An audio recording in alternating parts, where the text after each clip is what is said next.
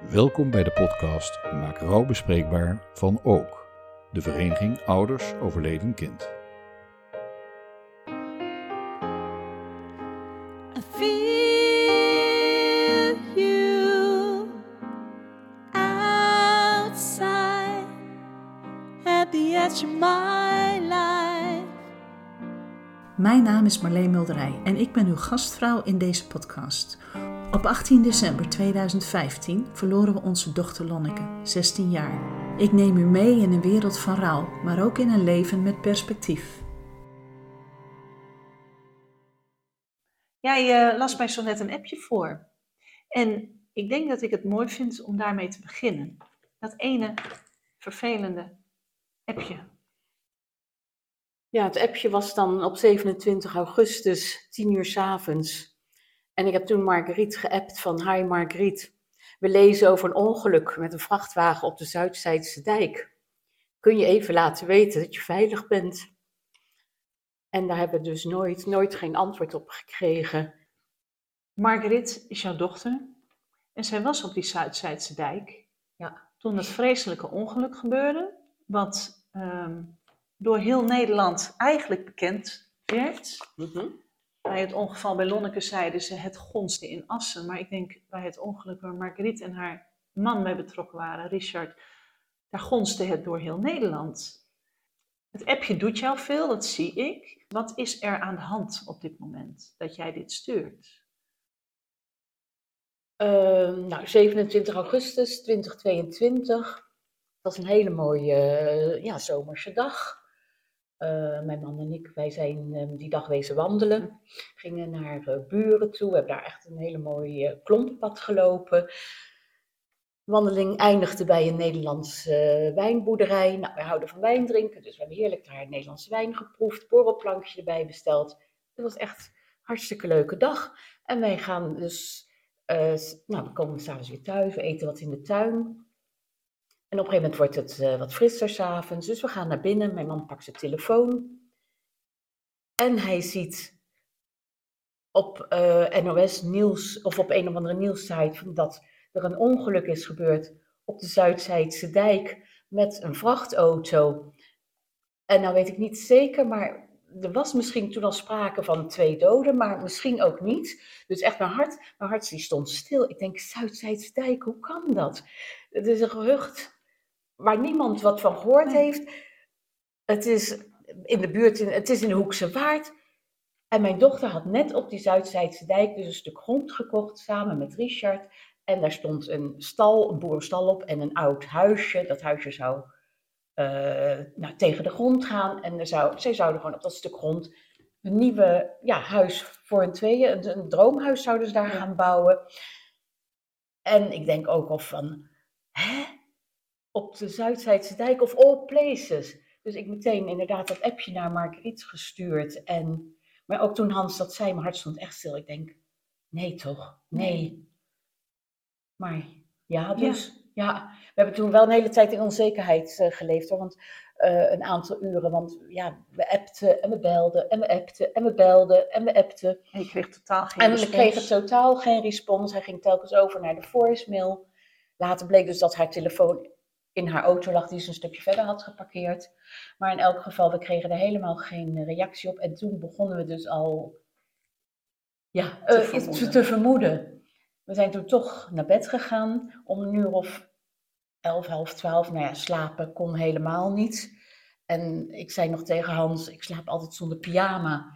Ik zei, nou weet je wat, ik doe nu toch maar een pyjama aan eh, als we naar bed gaan. Want stel je voor dat de politie vannacht bij ons aan de deur staat. We hadden, eigenlijk, we hadden al een vermoeden, maar we wilden er gewoon nog niet aan. Nee. En die paar uur dat je dan dus wel in je bed ligt en weer appen, weer op, op berichten eh, opzoeken, weet ik veel, wat we allemaal in onze gekkigheid probeerden te achterhalen, contact ergens te krijgen.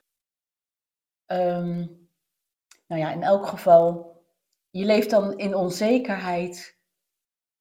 En die onzekerheid is echt vreselijk, Ja. vreselijk. Want tot hoe lang heeft die onzekerheid geduurd? Tot half vier 's ochtends. Ja. Maar het was zo, om een uur of half in één uur ben ik geloof ik wel in slaap gedommeld even. En toen werd ik om half drie weer wakker. ja. En toen weer op de telefoon kijken van ja, als ze toevallig hun telefoon hebben uitgezet omdat ze uit zijn gegaan of weet ik veel wat, Mhm. dan zouden ze nu in elk geval dat gezien hebben en erop gereageerd hebben, maar dus nog steeds geen reactie. Dus toen zei ik ook tegen Hans van als ik straks een auto in de straat hoor stilstaan, dan weet ik wat er is. En ja, waar om half vier, ik hoor zo eh, zachtjes portieren zo voor het huis van een auto dichtslaan en ik kijk door het raam en denk, ja, er stond de politie voor de deur. Dus ik rende naar beneden en ik zeg, ja, ik weet eigenlijk al waarvoor jullie komen. Ja. Maar wij wisten nog niet of Richard ook dood was. Dus ik vroeg ook aan die politie meteen. En Richard, ja, zegt hij, die is ook dood. Nou ja. Ah, Ja. Want wat, wat was er gebeurd? Wat was nou het ongeluk? nou, het ongeluk was dat ehm, er is een... eh, nou, op die Zuidzijdse dijk hebben ze dus een, een, een stuk grond. Ja. En op dat stuk grond hebben ze dan... Ja, had de ijshockeyclub... eh, Of nee, het was geen ijshockeyclub. De schaatsclub. Ja. Die had daar sinds drie jaar weer een buurtfeest georganiseerd.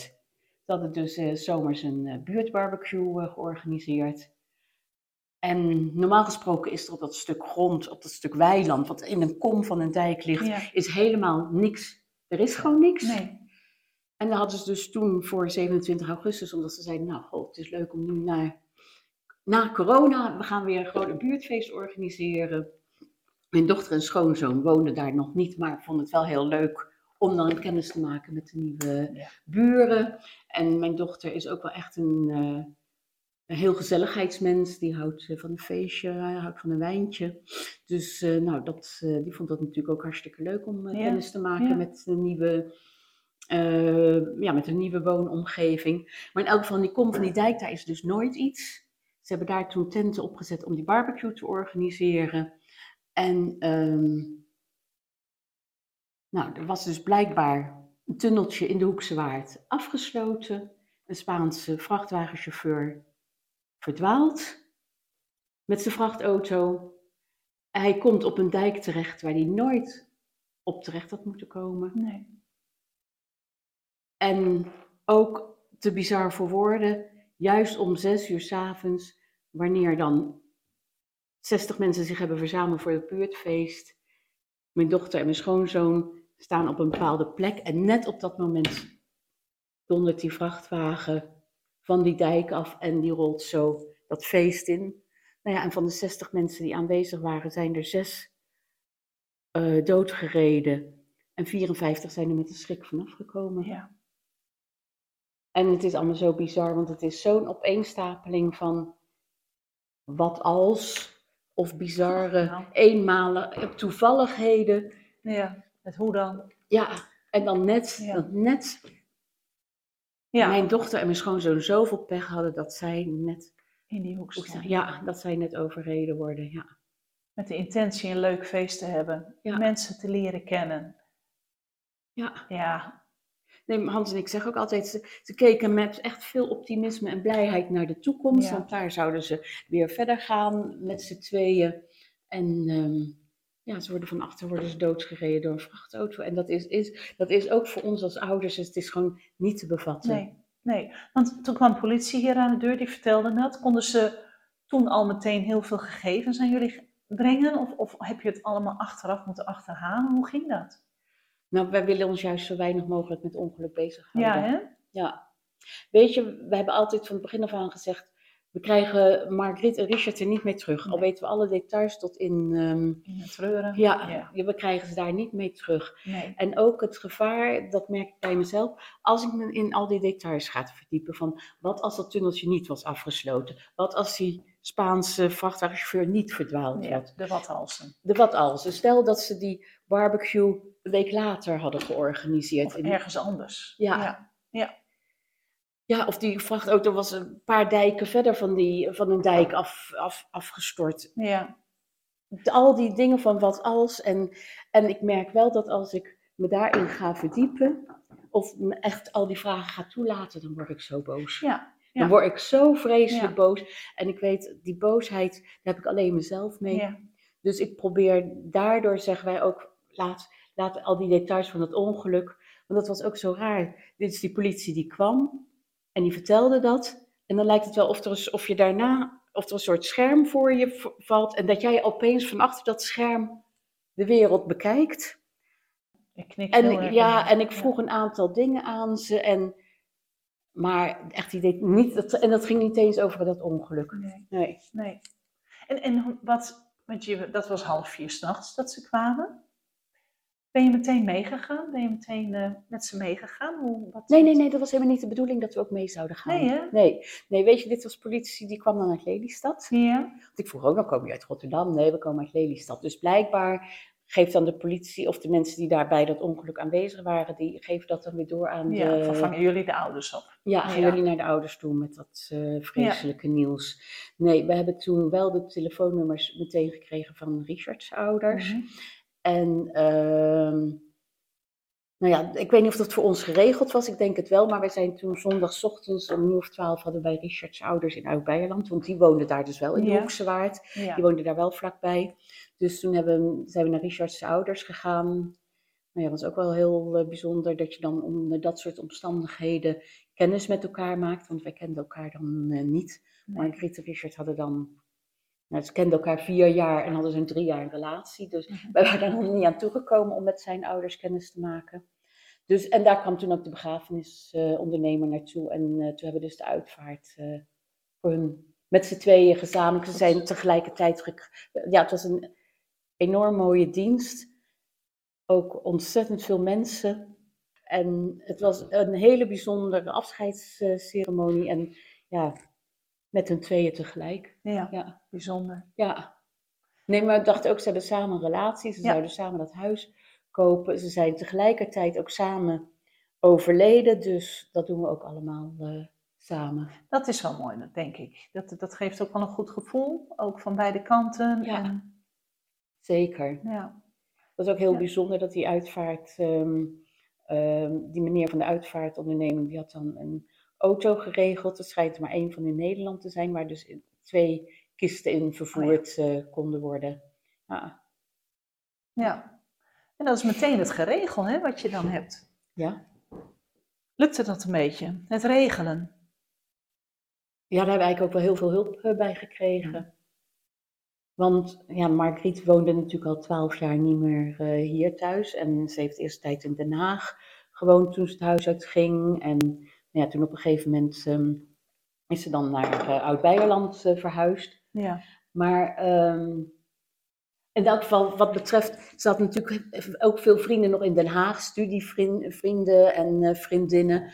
En nou, via, via konden we dat weer, al die mensen dus achterhalen, inlichten. En ehm, nou ja, haar ex-vriend met wie ze in Den Haag dan een huis had gekocht, die eh, heeft ook weer met adres en dergelijke geholpen.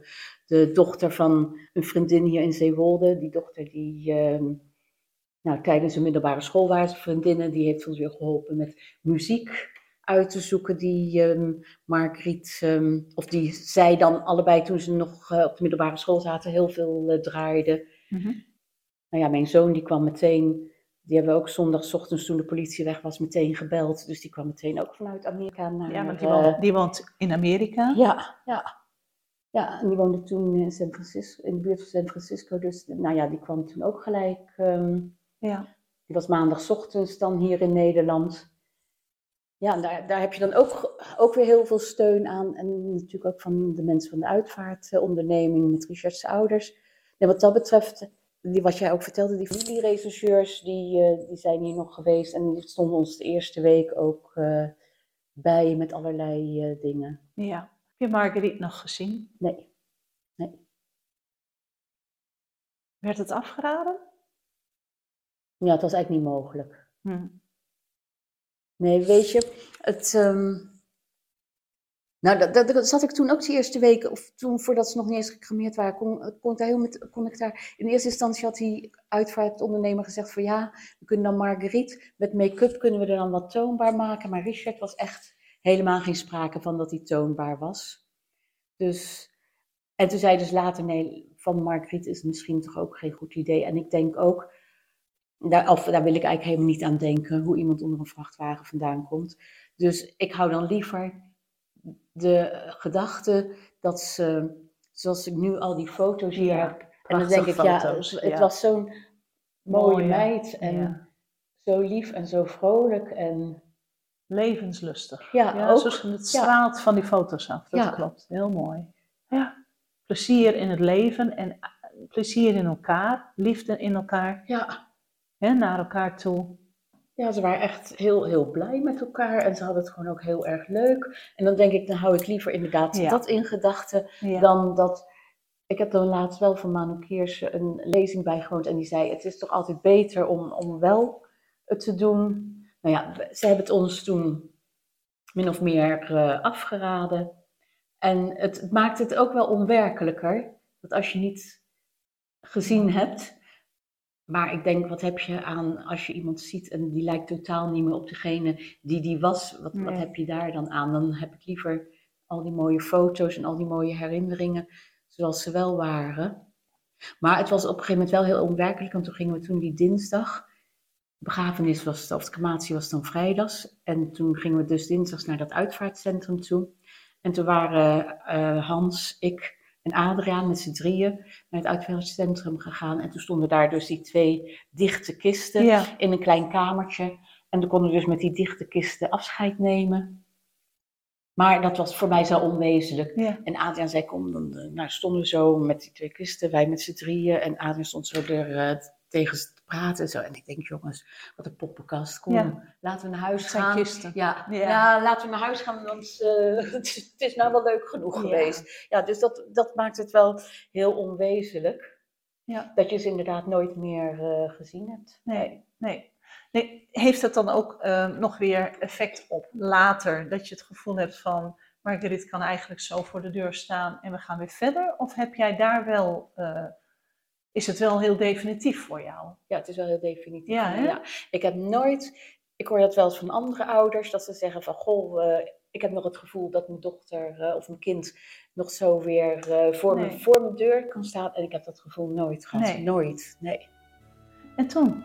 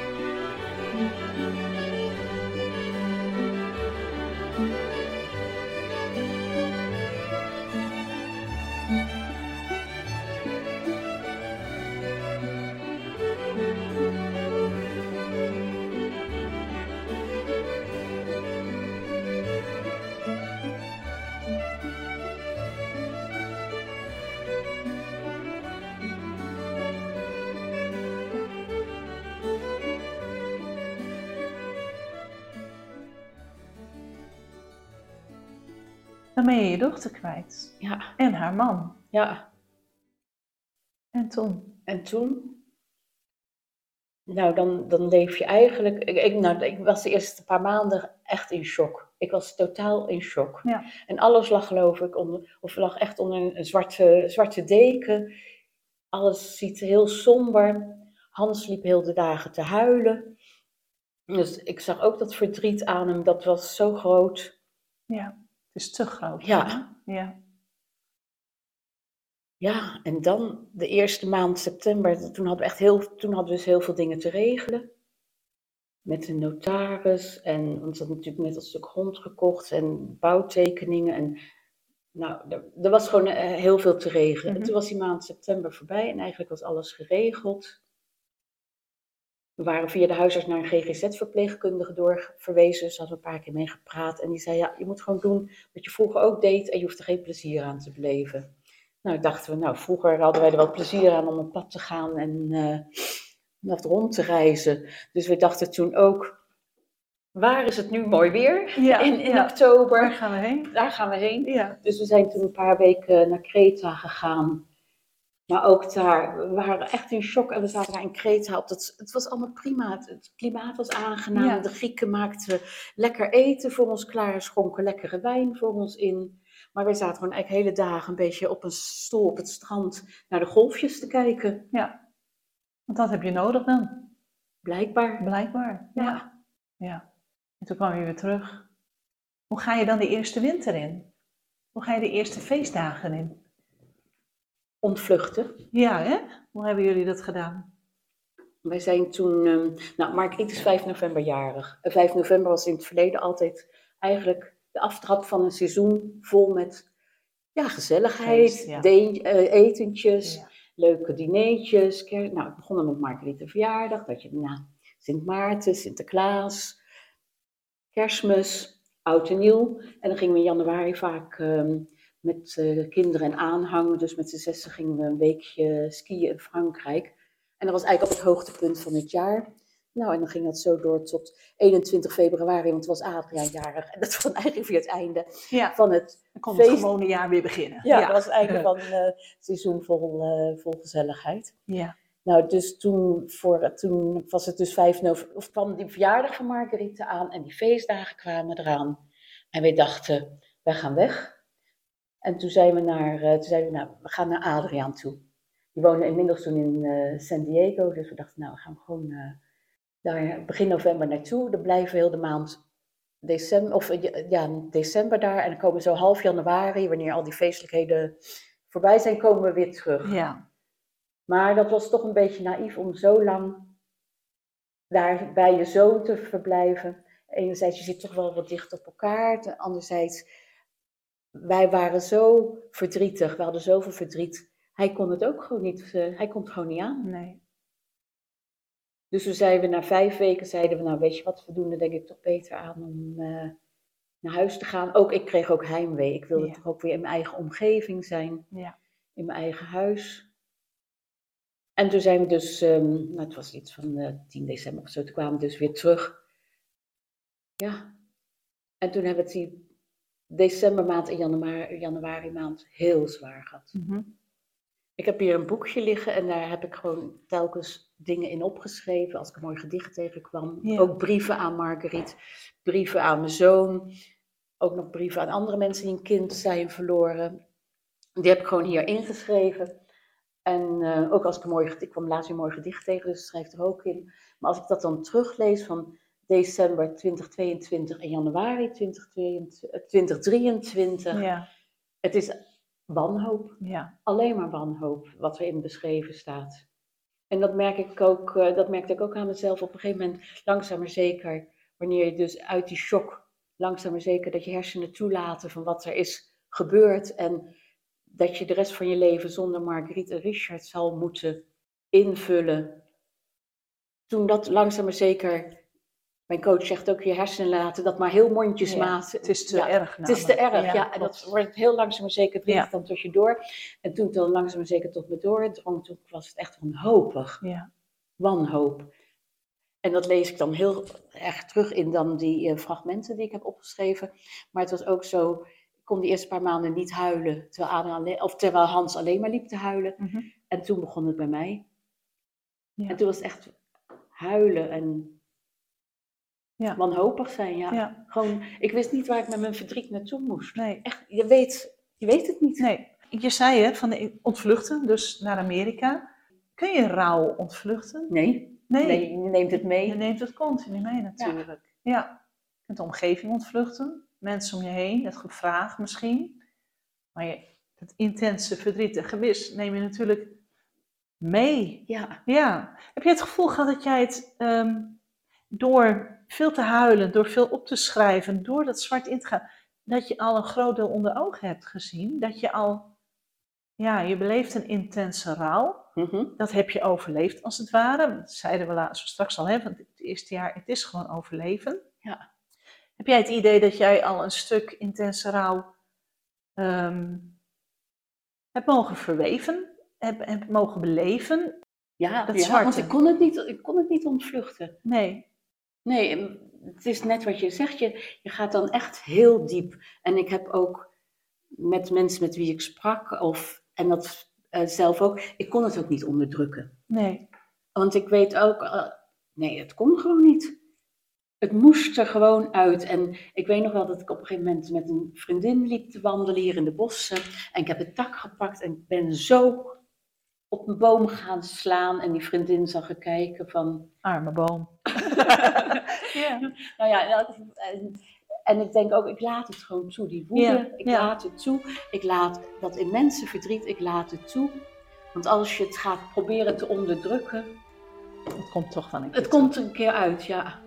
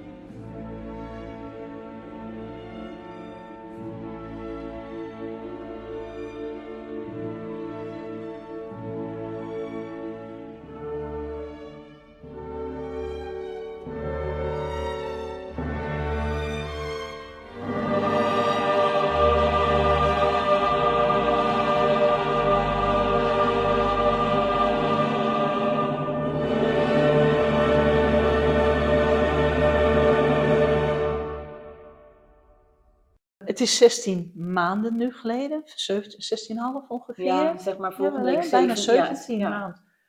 Anderhalf jaar noem ik dat dan bijna. Ja. Ehm, wat, heb je, wat heb je in het nieuwe, in het nieuwe jaar gedaan? Ik bedoel, van, eh, je kon niet op vakantie. Jij bent niet meer op wintersport geweest. Daarna, 21 februari ongeveer, zou het normale jaar weer beginnen. Voelde dat ook weer een beetje als normaal vorig jaar? Nee, echt niet. Nee. Hoe ben jij die maanden doorgekomen? Ehm, heel veel boeken lezen. Ja. Ik heb een, ja, de, ja ik, ik lees nog steeds heel veel boeken over eh, rouw, over mensen die een kind hebben verloren. Waarom lees je die? Herkenning. Ja, hè? Herkenning, ja. Ik word niet gek. Ja, ja. Ja, ik moet je eerlijk zeggen, ik had al Tonio, Ja, wat van, eh, dat had ik al Van gelezen. Heijden, ja, ja. had ik al gelezen. Dat was in 2011 uitgekomen, dus dat had ik toen al gelezen. Ik meteen na Marguerite Richard de Dood weer herlezen. Het boek van Marjolein Hartman over Max, dat had ik ook al gelezen toen het net uitgekomen was. Het was geloof ik begin 2022. Ja, dat heb ik meteen ook weer gelezen toen eh, ze waren overleden. Omdat het ook eh, inderdaad beschrijft wat het met mensen doet. En het is, als je die boeken leest wanneer je kind nog niet bent verloren, dan denk je, oh ja, dat is wel heel erg. En dat Ja, er toch heel Ik hoop maar niet dat het mij overkomt. Nee, dat, precies. ja. Want Marjolein Hartman schreef ook van, ehm, ja, de vereniging Ouders van Overleden Kind is een vereniging waarvan je nooit voor zijn levensdagen lid wil worden. Ik denk, nee, daar heb je wel gelijk in. Daar wil ik ook geen lid van worden. Godzijdank ben ik het niet. En een jaar Nee. later Ja, was ik het wel. ja. Maar het beschrijft dus ook echt die wanhoop en, ja, van ouders wanneer je je kind verliest. En ook Ja. dat je je toekomst, met het overlijden van je kinderen is ook de toekomst weg. ja. En dat is iets wat mensen die het denk ik zelf niet meegemaakt hebben, gewoon niet kunnen, zich kunnen voorstellen. Nee. Maar dat gewoon alles wat je dan daarna doet, zinloos is. Ja. Ik vertelde vandaag nog, ehm, mijn rol als moeder naar Lonneke is doodgegaan. Daar heb ik afscheid van moeten nemen. Ik heb, ben nog moeder, hè? jij bent ook nog moeder van Ad- Ja. Adriaan. Maar de rol van jou als moeder voor Margriet, die is ook dood. Ja. En dat is denk ik een stuk rouw. Hoe, hoe gaan we dat doen? Hoe pakken we dat op? Maar ook dat kom je wel in die boeken denk ik weer tegen. Ook daarin een stukje herkenning. Ja, zeker. Heb je het alleen uit boeken gehaald? Of ben je, ben je op zoek gegaan naar lotgenoten? Ja, ik ben ehm, eh, ja, dus lid geworden van de Vereniging Ouders ehm, van een overleden kind. En daarbij hebben we dus eh, ons aangesloten bij een gespreksgroep in, eh in Dronten. Mhm. En in Zeewolde is ook een groepje opgezet voor ouders van een overleden kind. Ja, Ja, wat haal je daar? Ook weer herkenning. Ja, hè? Ja. Ja. Herkenning. Half wordt genoeg. Ja. Nou weet je dat je wij, toen wij belden, en toen vertelde je mij een heel heugelijk feit. Vorige week, vorig jaar, zomer, is Adriaan getrouwd. Klopt. Wat Ja. gaaf. Maar hoe heb jij dat ervaren? Nou, het was voor Hans en mij echt ontzettend moeilijk. Ja, dat Wij lijkt mij. wilden zo graag, wij wilden echt heel blij zijn voor Adriaan. Maar ik vond het emotioneel zo vreselijk moeilijk. Je hebt twee kinderen. Ja, En van het ene kind heb je dus het meest erge, het meest vreselijke meegemaakt. Dat ze overlijdt samen met haar partner. En dan elf maanden later heb je het meest heugelijke feit met je andere kind. Dat hij gaat trouwen en met de liefde van zijn leven een heel mooi, eh, ja, hele mooie toekomst wil Ja. gaan opbouwen. ja. En dat viel in elf maanden tijd dus van het meest erge naar het meest fantastische wat je kan overkomen. En het is, dat was emotioneel gewoon niet te rijmen. Maar toch moest je het doen, of niet? Ja? En hoe heb je dat klaargekregen? Kon je erover praten met Adriaan? Kon je het uitleggen? Ja, ik, ja, want hij was dan vijf weken in Nederland gedurende, dus eh, voorafgaande aan, die, eh, aan zijn bruiloft. Ja. Zijn vrouw kwam dan, eh, of zijn aanstaande vrouw kwam dan twee weken voor de bruiloft. Zij heeft hier natuurlijk ook in huis gezeten. Dus we hebben er ook wel over, over gepraat. En ja, dat het gewoon voor ons heel moeilijk is. Maar ik wilde ook niet te veel aan zijn vreugde. Want ik was echt ook zo trots op hem. Hij Ja. had, vanuit Amerika had hij echt een super mooie bruiloft geregeld. Het was in een kasteeltje bij Wijk bij Duurstede. En zijn Chinese schoonouders Ja. kwamen uit China over. Er kwamen heel veel vrienden uit. Eh, zowel, ze hebben in New York gewoond als in San Francisco en in San Diego. Er kwamen ook allemaal vrienden van hun over. Nou, er zaten natuurlijk ook de vrienden van hem tijdens de studie in Delft. En ehm, vrienden hier uit uh, Zeewolde van zijn middelbare schoolperiode. Dus het was echt een eh, ja, heel eh gemeleerd gezelschap. Ja, ja, en het was ja. supergoed allemaal door Adriaan geregeld. En het was ook een ja, fantastisch feest. Het was, echt, het was echt een sprookje. Ja, En je zag ook hoe gelukkig Adriaan, bijna. Maar bij ons, Hans en ik, wij voelden het gemis. Ja. Want dat zeggen ze ook altijd, geen kind is zo aanwezig als het kind wat er niet meer is. nee. En dat voelden wij ook. En dan zag ik al die jonge mensen, 30, 32 jaar. Nou, Margriet zou inmiddels 33 jaar zijn geworden. Al die mensen zijn met een toekomst bezig, een toekomst aan het opbouwen. Ja, Kijken allemaal vol enthousiasme, want ze zijn gezinnetjes aan het stichten. Ze zijn met hun carrière bezig. Leuk huizen aan het inrichten en aan het doen. En dat is Margriet en Richard allemaal afgenomen. Ja. Ja. Dus het is voor ons, was het zo, zo dubbel. Maar ik, heb ook, ik ben ook aan de behandeling bij een coach, psycholoog. En die zegt ook, het zijn allemaal dingen die naast elkaar kunnen. Dus de blijdschap voor Adriaan, naast het immense verdriet om Margriet en Richard. En daarna dat Hans, het bakje daarnaast met Hans en ik, dat we ook weer iets van ons leven ja, moeten maken. Iets, willen maken. iets, ja, iets willen maken, ja. Ja, Dus dat zijn dan dingen die ja, naast elkaar. Ja. ja. Dus de bruiloft, het was. Ja, ik was echt heel trots en heel blij voor Adriaan. Maar het verdriet is ook dan echt zo groot aanwezig. ja. want er mist gewoon één. Ja, Maar, of er missen er twee Ja. in dit geval. Ja want zij hebben ook prachtige fotoreportage is er gemaakt. Maar je kan niet zeggen dat Hans en ik op de foto echt heel erg Nee. lachend of echt Nee. heel erg genietend. Het, is, het was eh, ja, heel dubbel. Ja, begrijp ik. Ja.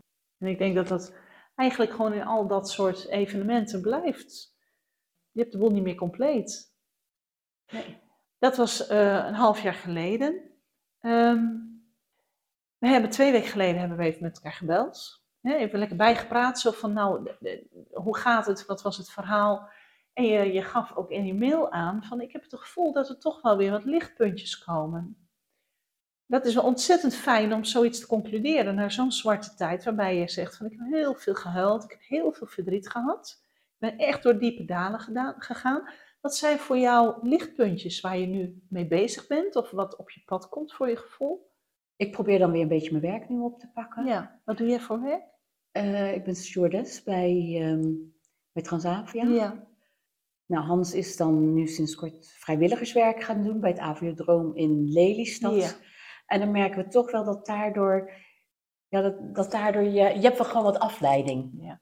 Maar ik moet wel heel eerlijk zeggen, ik was vroeger echt een enthousiaste persoonlijkheid en ik vond het leuk. En dan ging ik, oh, we gaan weer eh, op en neer naar, eh, nou, zeg maar wat, Malaga. En Ja. nou ja, je babbelde een beetje met passagiers en je maakte er een leuke vlucht van. ja. En dat hele enthousiasme, dat is nu gewoon Nee. weg. Heb je het gevoel dat je nu op je professie drijft, als het ware? Zo van, nou, je weet wat het werk inhoudt, maar de bevlogenheid mist. Ja, dat is het denk ik wel, ja. In jouw geval automatische piloot, Ja. dat gevoel. Ja, het eerste half jaar, toen eh, zei mijn werkgever, nou, toen, ik was niet eens ziek gemeld. Nee. Ze hebben me gewoon helemaal eigenlijk met rust eh, gelaten. En toen op een gegeven moment, toen hebben ze me in februari pas ziek gemeld. En dan gaat eigenlijk de molen weer draaien van dat je met de bedrijfsarts moet praten en met de reïntegratiecoach en dergelijke. Toen ben ik begonnen met eerst weer eh, de jaarlijkse opfriscursus. We doen dan altijd, ik heb altijd in maart een recurrent. Mhm. Dus, nou, dus dat is een paar dagen op Schiphol-Oost dat je je opfriscursus doet. Ik denk, nou, dan begin ik daarmee. Moest ik daarna een refresher doen. Dat is ook weer een opfriscursus, omdat ik een half jaar niet had gevlogen. Ja. Dus dan moet je dat, die refresher doen. En toen het daarna heb, deed ik af en toe eens een on-top vlucht. Dus ging ik als extra bemanningslid mee. Ja. Soms ging ik in de sterkte mee. Dus op zo'n Boeing 737 staan er vier bemanningsleden. Ging gewoon in de sterkte ook mee.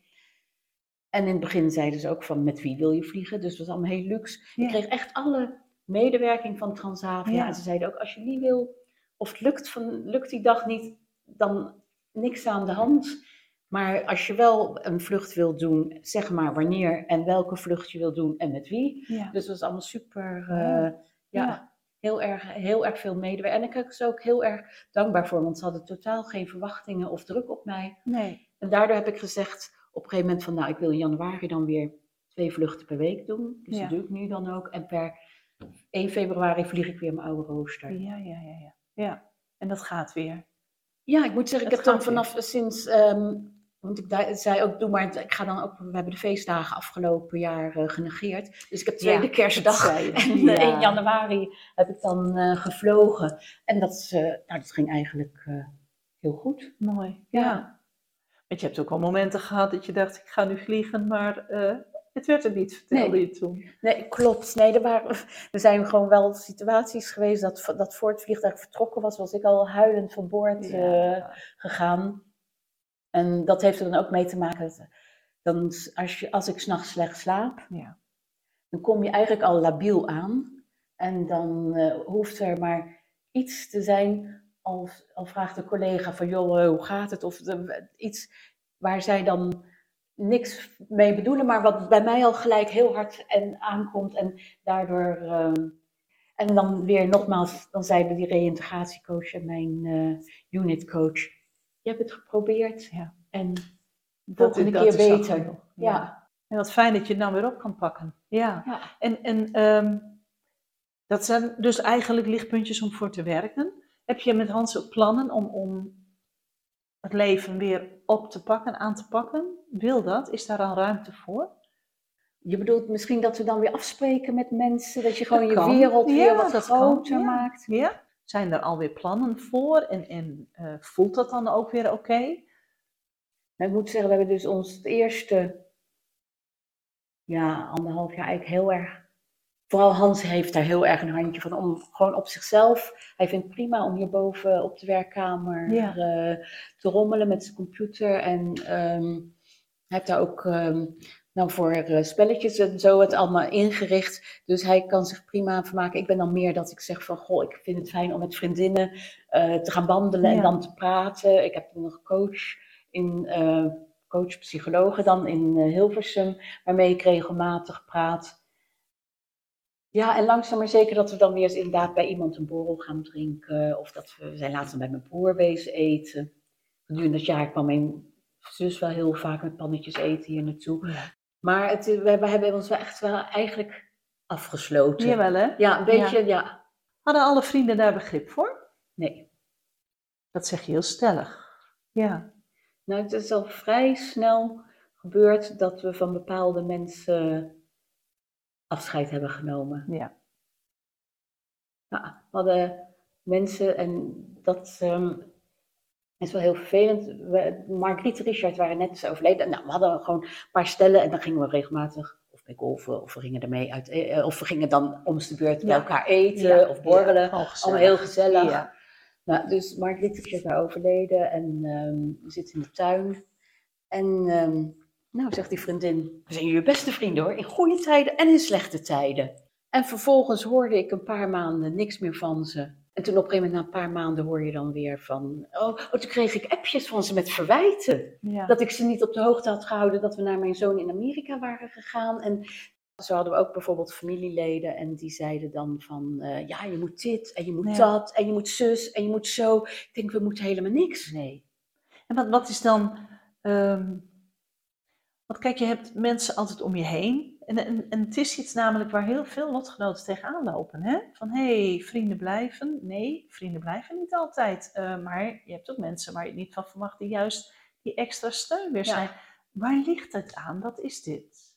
Wat, wat, wat denk je? Wat, wat, waarom wil dan zo'n vriendschap ineens niet meer? Ik denk omdat ze zich niet kunnen inleven in de situatie waarin je dan ja, in terecht bent gekomen. Ja. Ben jij daarin dan ook veranderd? Vind jij van jezelf dat je daarin duidelijk bent eh, geworden, als het ware? Zo van, hé, hey, ho, dit is mijn grens. eh, nu heb ik even geen energie voor jullie. Ben jij daarin eh, duidelijk geworden? Ook naar, Ja, naar ik denk het wel. Ja. Ja, weet je, ik, ik wist ook wel dat van bepaalde mensen ik niet weinig hoefde te verwachten. Omdat, ehm, nou, mijn ouders die zijn 30 jaar geleden vrij snel na elkaar. Er zat vijf maanden tussen. Mijn vader is door zelfdoding om het leven gekomen en mijn moeder vijf maanden later. Ja. En toen waren er dus ook wel veel leden van, van Hans. En de een zegt, ja, eh, ja, eh, als ik erover wilde praten, er was al weinig ruimte voor om erover te Ja. praten. En als ik erover wilde praten, dan waren er reacties van, eh, ja, maar Gita, ze hebben er toch zelf voor gekozen. Dus ik denk, en er was ook nog iemand anders die, ehm, die dan zei van, oh ja, ja, ja, ja, ja, leven gaat door. Ja. Dus weet je, dan weet je al van, die mensen, Daar kan ik niet mijn verhaal Nee, kwijt. daar kan ik niet mijn Nee. verhaal kwijt en Nee. daar hoef ik ook niks eigenlijk van te verwachten. Dus die zijn dan al vrij snel dat je daar denkt van, eh, Ja. je hebt daar ook gewoon de energie niet voor. Nee, nou dat. Nee. En dat merk je ook En gewoon. het is ook om jezelf te beschermen, want je bent, nadat zoiets gebeurt, ben je zo kwetsbaar. En Ja. het, het is al gauw is iets helemaal verkeerd of komt het, en misschien bedoelen mensen het niet zo, maar dan, het komt dan zo verkeerd aan. Ja. En, dat, en dan is het gewoon om jezelf te beschermen. Ja. Want het punt is ook als mensen bepaalde dingen tegen je zeggen die jou kwetsen. Ik blijf ermee zitten. Ja. Ik heb misschien een slapeloze nacht waarin ik lig te malen. En ik denk, oh, oh, en wat? En die mensen lopen vrolijk door. En, hebben eh, misschien geen idee precies, dat ze iets gezegd he- hebben wat jou, jou gekwetst heeft. Dat is ook wat Hans en ik, eh, het eerste ook wat we zeiden. Wat er ook gebeurt, we respecteren elkaar van hoe we rouwen. Maar we gaan ook heel goed voor elkaar zorgen. Hier gaan wij niet aan onderdoor. Nee.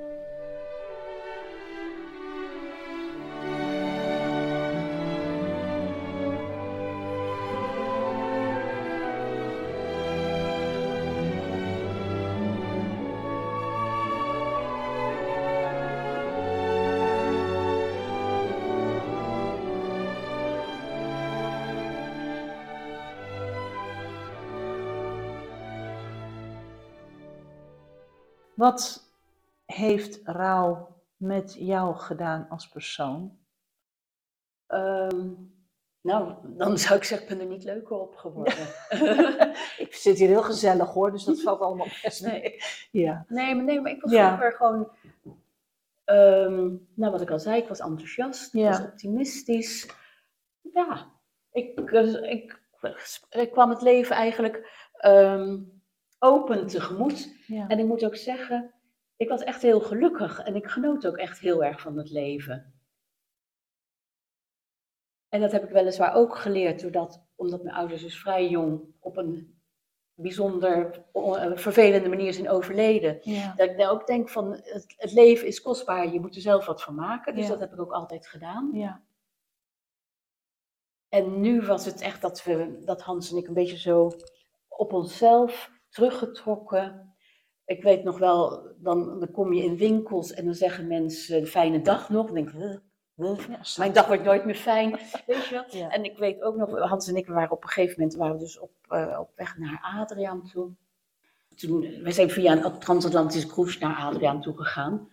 En toen was elke ochtend bij het ontbijt, op die cruiseboten stond er zo'n dame, een mooie zwarte dame.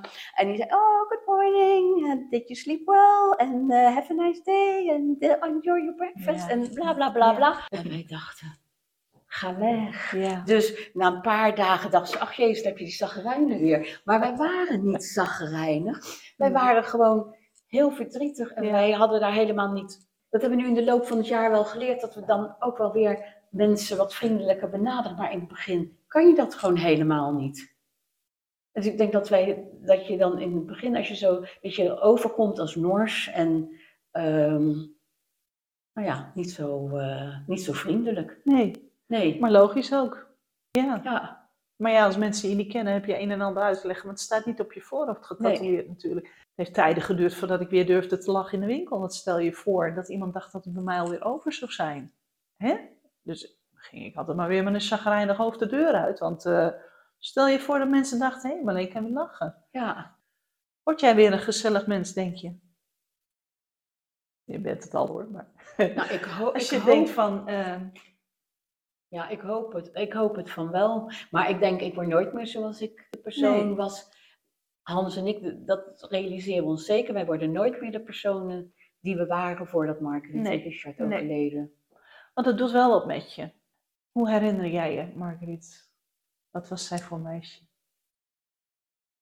Een vrolijk kind, een lief kind, een mooi kind. Net zo enthousiast als haar moeder. Ja, het was echt eh, ook heel enthousiast, optimistisch. En het eh, grappige van Marguerite was ook wel, ehm, ze was ook wel echt een doorzetter.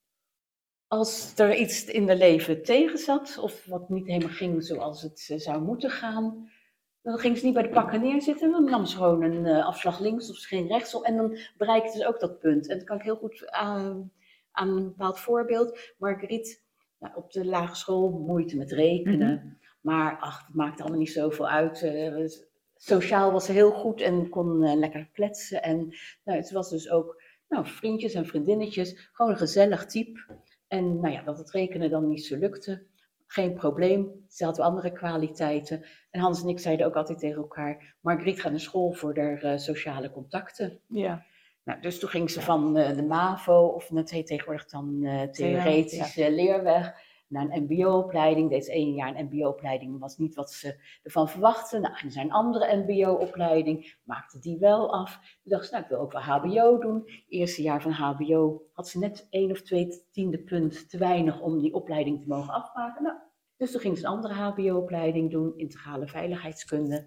Dus ze bereikte haar doel gewoon via Ja. een omweg. Ja. Want ik weet nog wel, toen was er ook een vriendin, toen eh, was Margriet dat ze twee tiende punten of zo tekort had om voor die HBO-opleiding verder door te stromen. Ik zei die vriendin, wat erg. Ach, jezus, ja, als mijn kinderen dat zou overkomen, zou ze helemaal van de kaart zijn. En Margriet was daar helemaal niet zo. En ik denk, god, ben ik nou te weinig empathisch geweest voor mijn dochter? Is dat echt zo erg? Maar Margriet zat er helemaal, of die zat er misschien even mee, maar ze dacht, oh, dan ga ik toch integrale veiligheidskunde doen. En die ging gewoon weer een andere opleiding volgen. En hup, niet bij, zo was ze ook wel, niet bij de pakken neerzitten Nee, en gewoon, Gewoon eh, door. ga gewoon door en dan neem je een andere weg en dan kom ik er ook. Ja. Leek Ja. ze daarin op jou? Heb jij dat haar meegegeven of heb jij dat van haar geleerd? Ja, ik denk dat ik dat wel van haar heb geleerd. Ja, hè? Ja, ja. Maar ja, je moet het nu wel heel erg in de praktijk brengen. Ja, ja, ja. Nee, dat zegt Hans af en toe ook wel eens. Dat Margriet zou dat ook niet, die zou ook gezegd hebben van hup. Ja, en dan Ja. weer door. Maar ja, dat is wel lastig. Ja, en dat is wel makkelijker gezegd Nou, dat bedoel dan ik. gedaan. Ja. Ja. Mag ik jou ontzettend bedanken voor dit verhaal over Marguerite en over jou en over jouw afgelopen jaren. ja. Bedankt. I had to let you go to the setting sun. I had to let you go to find a way back home. U heeft geluisterd naar de podcast Maak rouw bespreekbaar van Ook, de Vereniging Ouders Overleden Kind. Wilt u meer weten of wilt u lid worden? Ga dan naar onze website oudersoverledenkind.nl. Ook zijn we te vinden op Facebook en Instagram. Heeft u een onderwerp voor of wilt u een keer meewerken aan een podcastaflevering? Mail dan naar podcast.oudersoverledenkind.nl